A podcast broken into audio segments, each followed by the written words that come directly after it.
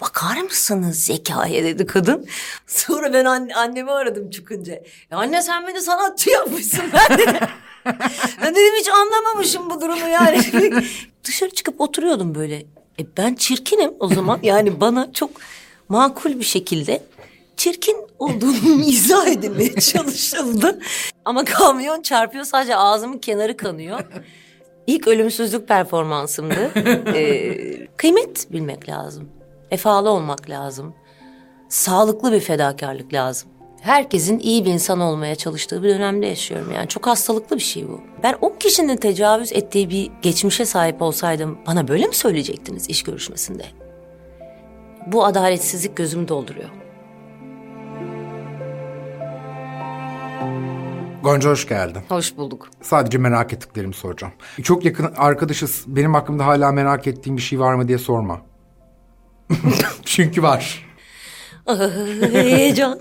Hep ağzımızda bir cümle var ya bu iyi oyuncu. Öyle deriz ya. İyi oyuncu olmanın kuralı iyi gözlemci olmak mı? Kurallarından biri diyebiliriz. Yani o zaman oyuncuysan hep etrafındaki insanları mı gözlüyorsun? Nasıl oluyor? ya öyle bir hayat mı o? Böyle. Ha.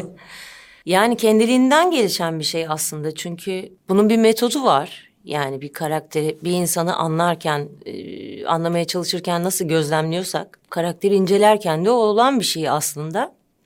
Çünkü sonuçta e, yazılan tüm karakterlerin hayatta bir karşılığı var. Karşılaşmamış olmamız da mümkün değil. Dolayısıyla böyle e, otomatik print ediyor kendini aslında. Neyi sever, ne olur, ne biter gibi bir şey. E, dolayısıyla da e, gözlem kural ama bunun içinde olan bir şey, akışta olan bir şey aslında. Yani bu karakteri oynadım çünkü çok gözlem yaptım. Benim çok ağzımda olan bir cümle değil ama olanı da yargılamıyorum tabii. Mesela ne oluyor? Sana bir senaryo geldiğinde işte okuyorsun karakteri sonra şunu mu söylüyorsun? Ha benim hayatımdaki bilmem kime benziyor. Mu yoksa Gazetede okuduğum haberler olabilir. Etrafımda tanık olduğum şeyler olabilir. Hissettiğim şeyler. Yani oyunculukta konservatuarda okurken alaylılar için de geçerli bu. Yani biz hissetmeye çalışmanın ve anlamaya çalışmanın eğitimini alıyoruz aslında. mesela Vasfiye teyze senin hayatından birisi mi? Yani e, hayatımda var olmuş e, biri evet ama biri ya da o kişi değil. Bizim memleketimiz Hendek, Adapazarı Hendek. Aa, diyorum değil mi? Ne oldu? Bugün bak bir Kim konuk, geldiyse Adapazarı mı? bir konuk Düzceli, bir konuk Düzce'de okuyor, bir konuk Bolulu, bir de sen de Hendek. Ben de Düzceliyim. Neler oluyor Armağan? Biliyorum. Bu bir işaret. Bu bir işaret. Dolayısıyla böyle çocukluğumda yaz aylarında falan çok giderdik oraya. Hani konu komşu sohbetlerin içinde bazı şeyleri e, kaydetmişim yani aklımda kalmış ama 28 yaşında bir gün aklıma geldi. Hani Gülse'yle konuşurken, sohbet ederken kızlarla Allah Allah ya evet böyle bir muhabbet vardı. Allah Allah böyle şeyler oluyordu orada gibi. Bir de mutlu olduğunuz bir işte oynadıkça hani bir şey katasınız geliyor oraya. O frekansı algıladığınız zaman ya bu buraya olur aslında gibi bir şey. Yoksa saçıydı, başıydı, işte ne taktı, ne giydi, ne oluyor, nelerle oyalanıyor gibi şeyler. Gülsen'in çok katkısının olduğu şeyler. Yani adının Vasfiye olması, saçının başının öyle olması falan. Biz sadece mantığını yani e, insanları karanlığa çeken bunlarla beslenen, e, karşısındaki insanın acısını normalleştiren bir koca bir kitle var. E, orada bir şarkının akılda kalan e, nakaratı gibi hani bir ne çektin bulduk. Ve onu uyduk yani, onun içine girdik beraber. Senaristle yani Gülse'yle birbirimizin sesini duyarak. O bir de iyi bir takımdı. Herkes birbirine kuliste de oynardı, yapardı. Birileri bir şey eklerdi falan. Biraz tiyatro kulisi gibiydi. O yüzden iyi, iyi bir iş çıktı. Sen ilk komediyle meşhur oldun değil mi? Evet. Ve sonra biz seni yıllarca komedyen diye bildik. Ama sonra annede başka bir şey oynadın. Sonra bir tane polisiyede oynadın mesela. Ama sonra bilerek sanki komediden uzaklaşmışsın gibi. Yani konservatuvarda da e, aslında her ikisini beraber yürütmeye çalıştım. Yani beslenme anlamında e, ben öyle bir komedyenim ya da bir şeyim gibi bir tercihim olmadı. Dediğim gibi hep anlamaya çalışarak, hep e, kendimi geliştirmeye çalışarak gitti. Bir de 9-10 yaşından beri hep böyle tiyatro kursları bir şeyler. Zaten hep sahne, tiyatroyla alakalı şeyler. e, oyunculukla alakalı, taklitle alakalı, hikaye anlatıcılığı, mizahla, mizahla alakalı böyle aileden aldığım şeyler de olduğu için bence kesin genimde olan bir şey bu. Kim ailede oyuncuydu gibiydi? Annem babaannesi, e, Atike babaannem. Yani e, o benim için çok özel e, bir kadın. Onların Hendek'te bir evi var eşiyle beraber yaptığı. Ve odadan odaya, odadan odaya evler olur ya işte baklava odası bilmem ne odası falan. Biz böyle yazları toplanırdık bütün sülale ve gerçekten çok gülen bir aileydik. Yani herkes, iyi ki kameraya çekmişim bazı şeyleri eskiden. Herkes meddah. Yani izlesen inanılmaz bir şey dersin bu. Ee, dedemin lakabı e, avare boydu zaten. Ee, böyle köstekliyle e, avara müyü söylermiş devamlı ezbere. Ve çok komik bir adamdı. Aslında e, majör boyutta bir depresyonu vardı dedemin. Hem askerdi hem de e, otobüs şoförlüğü e, yapardı. Ve e, birçok sanatçının e, tur şoförlüğünü yapmış e, Diyarbakır'da görev yaptığı zamanlarda da daha sonra Bursa'ya taşındığında ve çok komikti. Çok malzemeler toplayıp gelirdi yani. O zaman gelip mesela o e, şoförlüğünü yaptığı sanatçıları anlatır mıydı? Belki Mesela... anlatırdı. O kadarını hatırlamıyorum ama şey e, vefat etmeden önce e, böyle geriye doğru sardı e, kafası. Yani Alzheimer. anılara gitti. O anıları yaşamaya başladı. Tam Alzheimer olmadı ama e, gönül yazar ile geldi bir gün. Ee, ben de bir operasyon geçirmişim geçmiş olsuna. Ee, bir eski arabası vardı ona atlayıp geldi. Çok şaşırdım dedem hani arabada kullanmaması gerek. Oturduk böyle geçmiş olsun diyor gönül yazar plağı dinliyoruz. Dedem böyle anıları anlatmaya başlıyor falan. Ee, çok komikti yani 20 tane 30 tane kuşları olan bir adam müthiş bir hayvan sevgisi.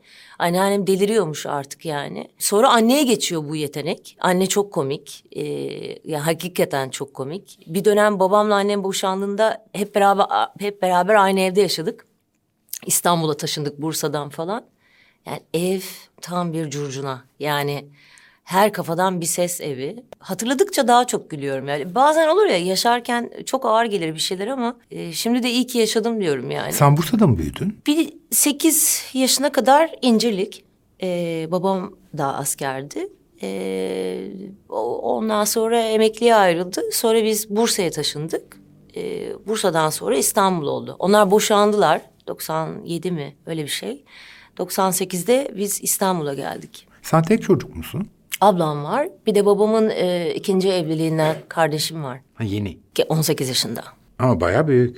E, babamın e, çocuğu değil.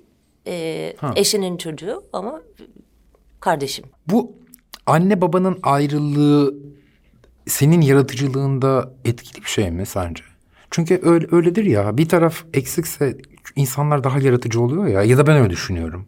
Sanki o eksik sevgiyi yaratıcılıkta buluyorlarmış gibi geliyor bana. Yaratıcılıkta e, yaralarını daha iyi anlayabiliyorsun tabii. E, ben çok uzun zaman mücadele ettim hep böyle işte bunlarla nasıl başa çıkabilirim, işte bunları nasıl atlatabilirim gibi.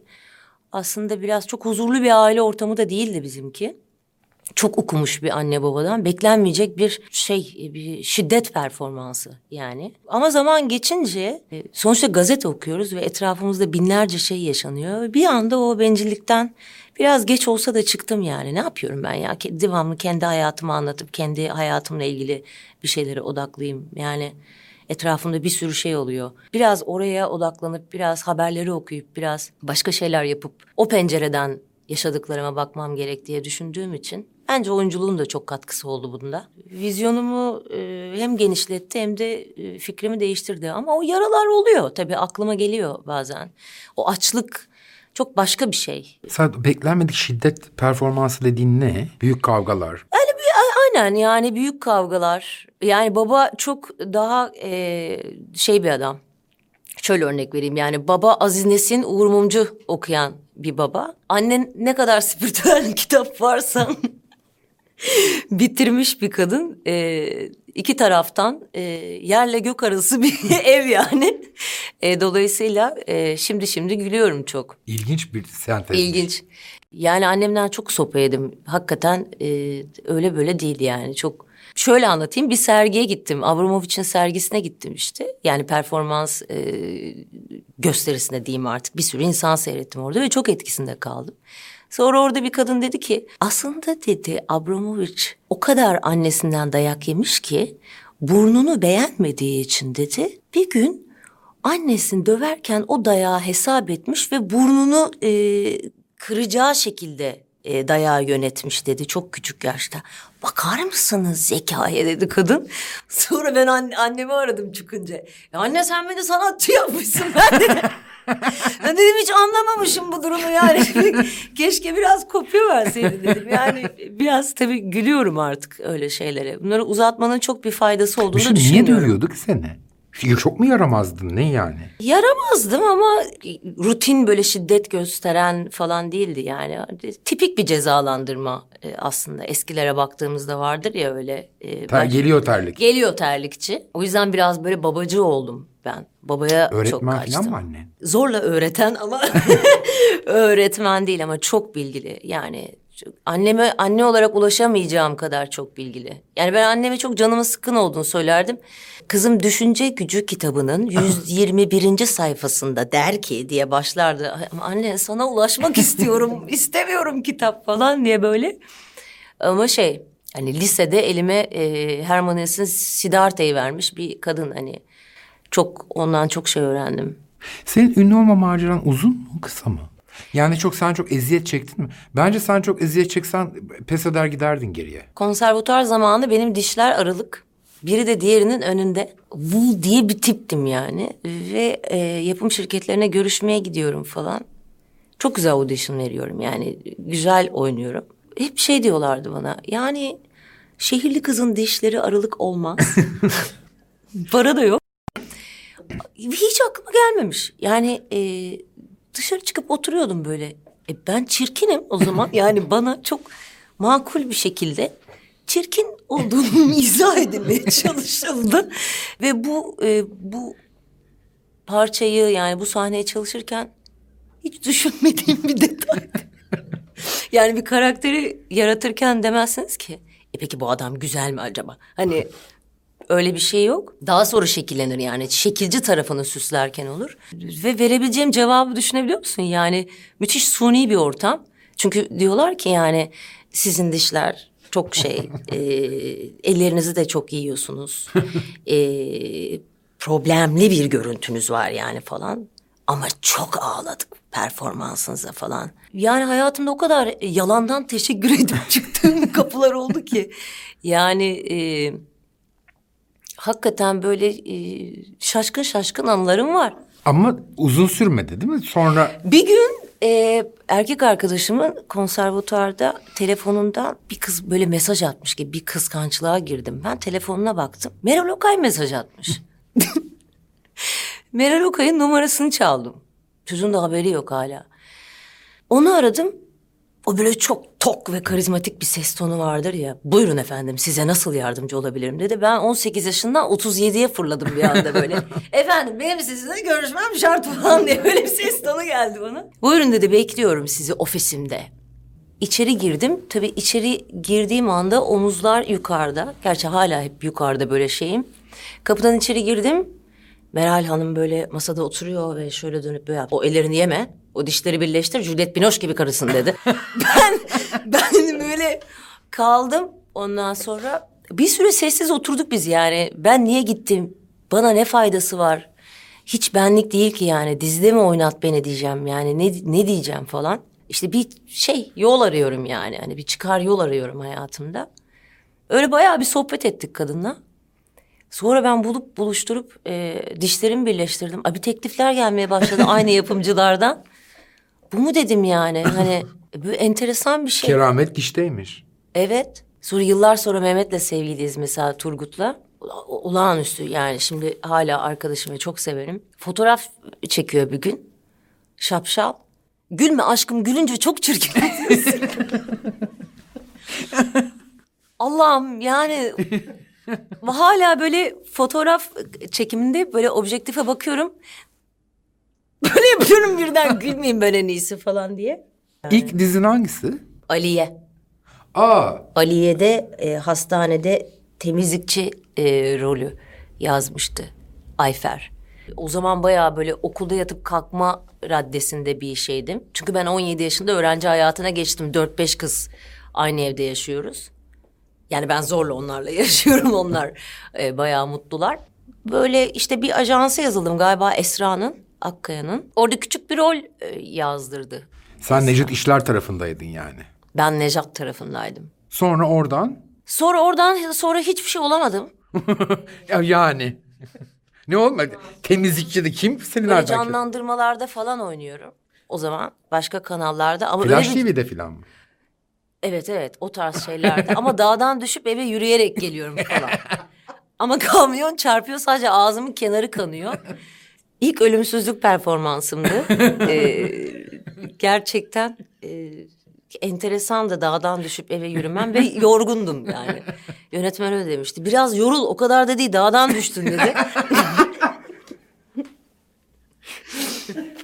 Ondan sonra enteresan şey buldum orada keşfettim. Ama ilk sonra Vasfiye ile bir Yani oyunculuk teknikleri arasında oyunculuğun herhangi bir tekniği olmadığını e, keşfettiğim bir performanstı. Sette tek sinirlendiğim an hani derler ya oyuncular için Gonca Vuslater'i çok zor sette sıkıntı çıkardı. O sette çıkarmıştım çünkü senaryo çok kötü diye bir anda kendimi işime kaptırmıştım. E, sonra arkadaşım aramıştı beni. E Gonca sen burada da oynamışsın diye. Dedim ki evet çok oyunculuk yapmak istiyorum çünkü. Devamlı dualar ediyorum böyle. Allah'ım çok güzel bir iş çıksın ama dağdan düşüp eve yürüyerek gitmediğim falan böyle. Secret yapıyordum yani spesifik. Sonra Vasfiye geldi. Ee, sonra Küçük Sırlar oldu. Ee, Aa, bu evet. arada ben DOT e, tiyatrosunun e, seçmelerini kazanmıştım. Daha önce de bir Çingene müzikalinde oynamıştım. O beni çok besledi. Ayşe'nin Şamlıoğlu'nun yönettiği bir oyundu. Ee, ve bizim aslında yollarımız Gülse ile ilk orada kesişti. Yani e, Gülse Avrupa yakasına bir rol yazmıştı. Sinan Çetin'e işte görüşmeye gitmiştim falan. Neyse sonra birkaç oyuncu ayrıldı, bir şeyler oldu falan ve e, şeyi e, çatısı çatladı. Yani benim e, entegre olacağım yerde bir çatlak oluştu. Vasfiye için Gülse aradığında şöyle e, aradı beni. Alo dedim. Şimdi düştün elime dedi. Yalan dünyaya öyle girdim. Altı bölüm, altı yedi bölüm. Eylem karakteri için. Aman ne altı bölüm. Her bölümde dua ediyorum. Bir de karakterin üç lafı var. Nasıl kendimi gösterip belli edeceğim falan ama... Sonra çok güzel oturdu her şey. Parasız bir dönem geçirdin mi? Çok. Yani e, bir parayı tutma sorunum var. Çünkü e, kazanıp kazanıp kendimi hedefler belirleyip saçma sapan oralara attım. Yani hayal ettiğim yerlere gittim. Amerika'da, Londra'da, Paris'te. E, oyunlar seyrettim. Ama bunlar para sokağa atmak değil ki. İşte oyuncu kendini beslemezse nasıl oynayacak sonra? Aynen öyle. 54 kişiye tecavüz ettiğini bilmeden Bill Cosby'yi seyrettim. Mesela o anda mutlu olmuştum. Ee, adam bir ay sonra içeri alındı falan. Ee, görebildiğim kadar şey gördüm yani. Bayağı tek başıma gezip tek kalem İngilizce bilmeden. Ee, sonra orada kursa yazıldım falan. Ee, ve hiç böyle hani New York'a gittim. Los Angeles, bayağı Oakland yani hani bayağı böyle küçük kasabalar, şeyler. Siyahların girdiği bir bara girip e, beyaz olduğum için parmağımın kırıldığı anılar. Saçma sapan komik şeyler.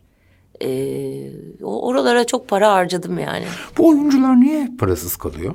Parayla ilgileniyorlar mı bilmiyorum açıkçası. Yani işin zaten bu yüzden iyi menajerle çalışmak çok önemli bence. Bir doyumsuzluk var Armağan. Yani bir yaşama isteği, görme. Hayır mesela şimdi atıyorum ben de hukuk fakültesini bitirince işte avukatlığın ilk dönemlerinde çok para kazanmıyorsun ama mesela o dönem annem babam para veriyor zaten ama bu oyuncuların hep şu- öyle bir ay be ben o dönem hayatımın en parasız dönemiydi diye başlayan acayip hikayeleri var.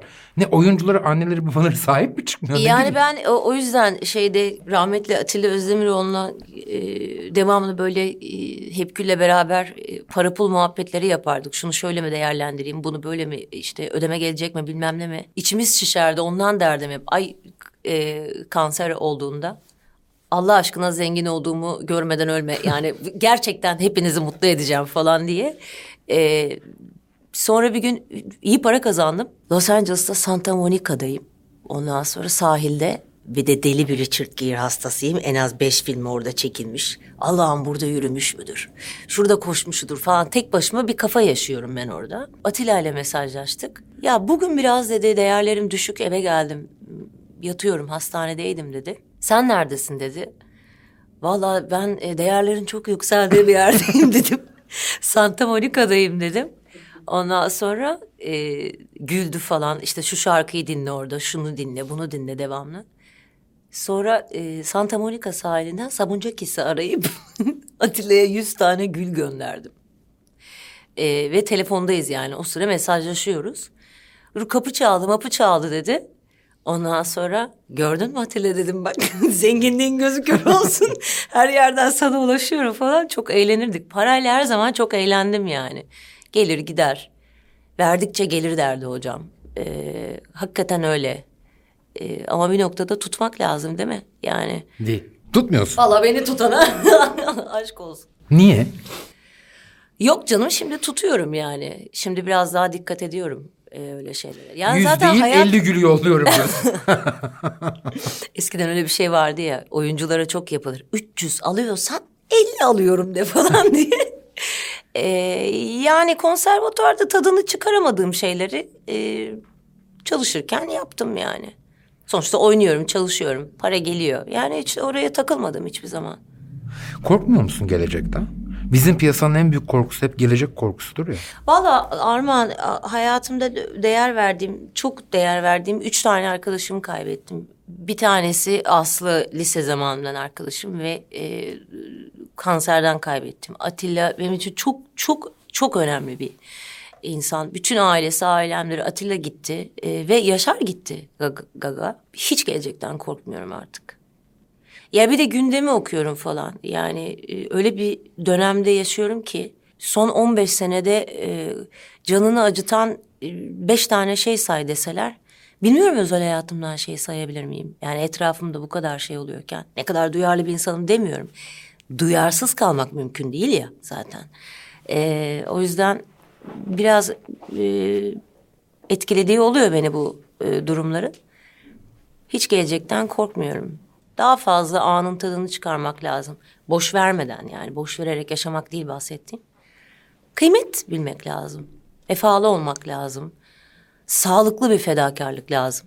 Herkesin iyi bir insan olmaya çalıştığı bir dönemde yaşıyorum. Yani çok hastalıklı bir şey bu. Çok tutkulu aşklar yaşıyorsun. Üf hem nasıl? Niye? Ne bileyim. Yani o oradaki kont orada hayır çıktı. kontrolü mü kaybediyorsun? Hani ne, ne oluyor? Ya, ya da aşık olunca dibine kadar ne? O, o ne? O nasıl bir duygu? Oraya anlatacak hikayeler var gibi. Yani aşkı anlatacak hikayeler, aşkla paylaşılacak e, şeyler var. Yani işimi aşkla yapıyorum. Arkadaş ilişkilerimde onlara aşık oluyorum. Hayatımdan gittikleri zaman mahvoluyorum. Kapılarında yatasım geliyor. Bir, biri beni sevmediği zaman deliye dönüyordum eskiden. Ya beni niye sevmiyor? Yani hiç onunla ilgili değilim ki ben. Yani bir insan durup dururken beni niye sevmez falan diye. Şimdi hiç öyle bir şey yok yani. Herkesin kafasının karışık olduğu, herkesin birçok şey yapmaya çalıştığı, bir sürü engelle karşılaştığı bir dönem. Çok takılmıyorum yani onlara. Bunların acısı da aşktan çıkıyor herhalde. Çok eleştiriyorum aşkın içinde. Çok yıpratıyorum bazen. İş gitmeye geldiği zaman da çok üzülüyorum. Bir gitme travmam var yani. Ben gidiyorum diye kapı çarpılacağını anladığım an kendi haklılığımdan dönüveriyorum. Bu da iyi bir şey değil aslında. O zaman o ayrılıkları çok ağır yaşıyorsun. Çok ağır yaşıyorum yani. E, bence biraz bencillik. Kendim ayrılsam öyle olur muyum acaba? Ama senin gibi insanlar çarpıp gidemez ki zaten. Mümkün değil. Sen ancak seni terk etmesi için bir sebep yaratabilirsin. Tabii. Aynen öyle. Yani terk etme gücün olmadığı için seni terk etsin diye boş yere sebepler yaratırsın. Bir Kendi, gün... Kendini şimdi tek tarafa atmamak lazım suçu ama benim tercih ettiğim aşklarda genellikle kendini yetersiz hisseden Şimdi çok teslimiyetçi olduğun zaman da beni böyle devamlı sanki benim aklım yokmuş gibi yönlendirmeye çalışan e, adamlar çok olunca bir dişlerim çıkıyor benim böyle ne oluyor hop diye. E, o zaman da bir çatışma başlıyor. Adam da deliriyor tabii. E sen bütün kontrolü bana vermemiş miydin diye. Yo diye bir kadın oluyorum yani. Birdenbire. Ben sadece acımı paylaştım gibi oluyorum yani. O yüzden de Hayvanlarla da garip bir ilişkim var. Onlar da gittiği zaman çok üzülüyorum. Tutkulu. Çok. O herhalde dededen babadan miras. Ablam da öyle. Annem o kadar değil bence ama çok seviyor hayvanları tabii. Ama senin bayağı tutkulu bir ilişkin var yani. Hani mesela bazen bahsedince ben sanıyorum ki mesela o evde yaşayan bir insan hayır değil. Çok seviyorum evet. Tutkulu bir ilişkim var yani. Çok şey çok şey öğreniyorum onlardan. Ne demeye çalışıyor, ne yapıyor? Dinlemeyi öğreniyorum bir kere bu müthiş bir şey. Eskiden o kadar dinlemezdim yani hayvanlarla öğrendiğimi düşünüyorum bunu. Dinlemeye çalışıyorumdan kasıt hani... Ne hissediyorum? Neyse. Ne oluyor şu anda? Yani niye beş adım yürüdü sonra durdu? Ne oldu yani şu anda? Senin kafan bizim gibi sıradan insanlardan daha başka çalışıyor. Mesela sen bunu ne zaman fark ettin ya da annen sana annen seni ondan mı dövüyordu acaba? Çünkü hani Onun kafası hepimizden farklı çalışıyor. o zeka küpü bir şey yani. Baş ne zaman fark ettin mesela? Ha bir- ya bir dakika. Ben şimdi bu olayda böyle düşünmüyorum ama bak bunlar böyle düşünüyorlar. Bende mi bir acayiplik var durumunu? Bende mi bir acayiplik var e, durumu? Konservatuarın ilk yılı ben e, bütünleme yoktu bizim okulda Müjdat Gezen'de. Atılma vardı. Fakat benim olduğum sene tesadüf e, bütünleme sınavı geldi. Gelmese atılıyordum ben yani. Sebebi şuydu. Benimki şuymuş yani. İçeriden duydum ne kadar doğru yanlış bilmiyorum da. Yani ben ben olduğum için bütünlemeye bırakılmıştım. O kadar büyük travma oldu ki benim için. Yani ben ben olduğum için bütünlemeye bırakıldım yani. Hani tiyatro hayatının ağır külfetini kaldıramayacak bir hassasiyet. Herhalde deli demenin usturuplu bir Türkçesi yani. Bir de şey yani deli Armağan çok delidir ya çok severim gibi değil. Herhalde bir hastalıktan bahsediliyor burada oldum yani ve e, hayatımın en korkunç yazıydı. Kendime böyle evet ben şimdi acayip bir insanım. E, ve normallik taklidi yapıyordum yani. Nasıl bir şeyse onu da bilmiyorum falan. Hafiflemeye çalışıyordum hep. Etrafımdaki insanlar bir tuhaf davranıyor gibi. Yani bir paranoyak olmuştum tabii öğrenci olarak. Yani ne, ne demek bu? Parçam çok güzel, her şeyi çok güzel oynamışım falan. O yaz, o sezon başında böyle bütün yaz ödevlerime çok çalıştım. Bütünleme sınavı vereceğim ya. Bir daha umurum olmadı yani Gonca'nın kim olduğu. Sahneye çıkarım, işimi yaparım, saatinde giderim ve kim olduğumla sadece ben ilgilenirim yani. Bu kadar. Çok takılıyoruz ya bu karakter meselesine yani benim karakterimde asla falan. Yani bir öğrenemedik şu asla dememenin şeyini diye düşünüyorum ben. Deme işte yani karşılaşıyorsun bir daha önüne geliyor vazgeçiyorsun. Ben o riske girmiyorum artık Armağan. Bu piyasada hiç affetmeyeceğin insanlar var mı Gonca? Var. Ee, bir kadın var. Çok canımı acıttı. Yani onunla böyle çalışmak istemiştim ve şey demişti bana. Ay senin çok ailevi sorunun varmış. Öyle dediler. Yani çok moralsizmişsin. Zormuşsun. Yani sen zaten hayatında hiç başrol oynayamazsın. Yani başroldekinin en yakın arkadaşı falan. Böyle içimden şey dedim. Ne diyor bu ya? Yani ne anlatıyor? Bizde çok fazla şey yoktur ya. Profesyonel dil seni konuşurlar. Yani armağanla eş konuşursun, o armağanı konuşur. Sana ne armağandan? Yani e, şimdi ben e, çok özür dileyerek bu cümleyi kurmak isterim. Yani ben o kişinin tecavüz ettiği bir geçmişe sahip olsaydım bana böyle mi söyleyecektiniz iş görüşmesinde? Bu adaletsizlik gözümü dolduruyor.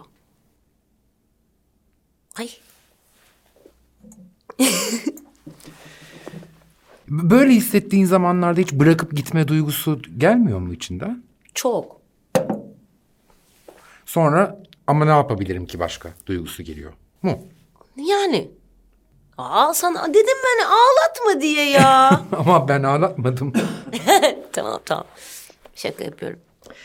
Sonra Sezen Aksu girdi hayatına. Şimdi mesela zaman Hemen gider gözyaşım şimdi. zaman zaman konuşmaların konuşma tonu Sezen Sezen Hanım'a benziyor. ya, küçük sırlarda oynarken Selin e, çok severim. Canım ailemde e, onun yazdığı senaryoda oynamıştım. Çok büyük bir şey benim için.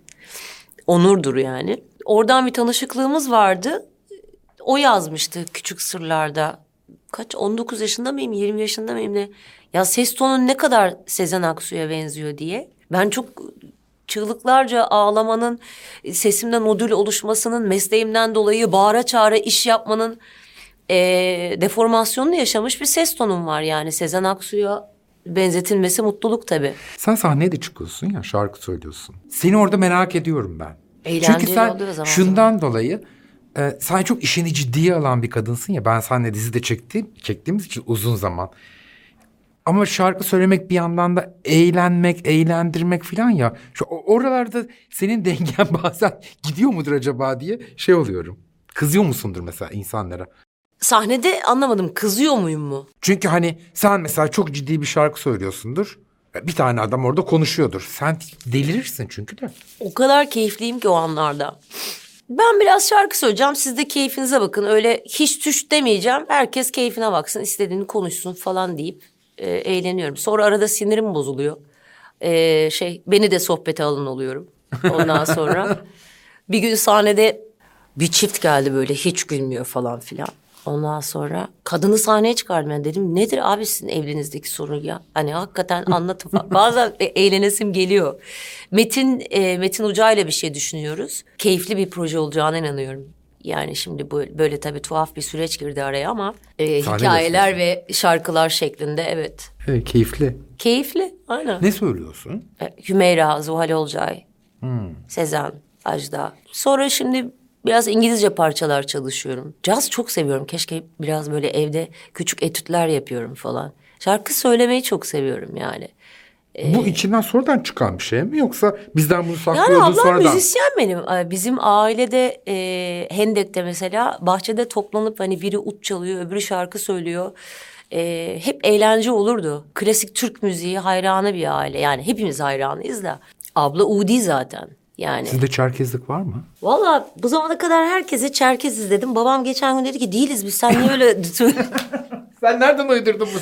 ben nereden bunu e, uydurmuşum? E, ama çünkü Hendek'te çok çerkez var. Var. Bir de babaannem yani benim babaannem eee, niye böyle diyorum Atike babaannemden bahsedince annemin babaannesi. A, ab- abazca mı deniyor? Abbasça. Eee, konuştuğu için e baba dedim o niye o zaman öyle konuşuyor? ya onların orada öyle konuşuyordu dedi. Konuşuluyordu onlar biliyor o dili dedi.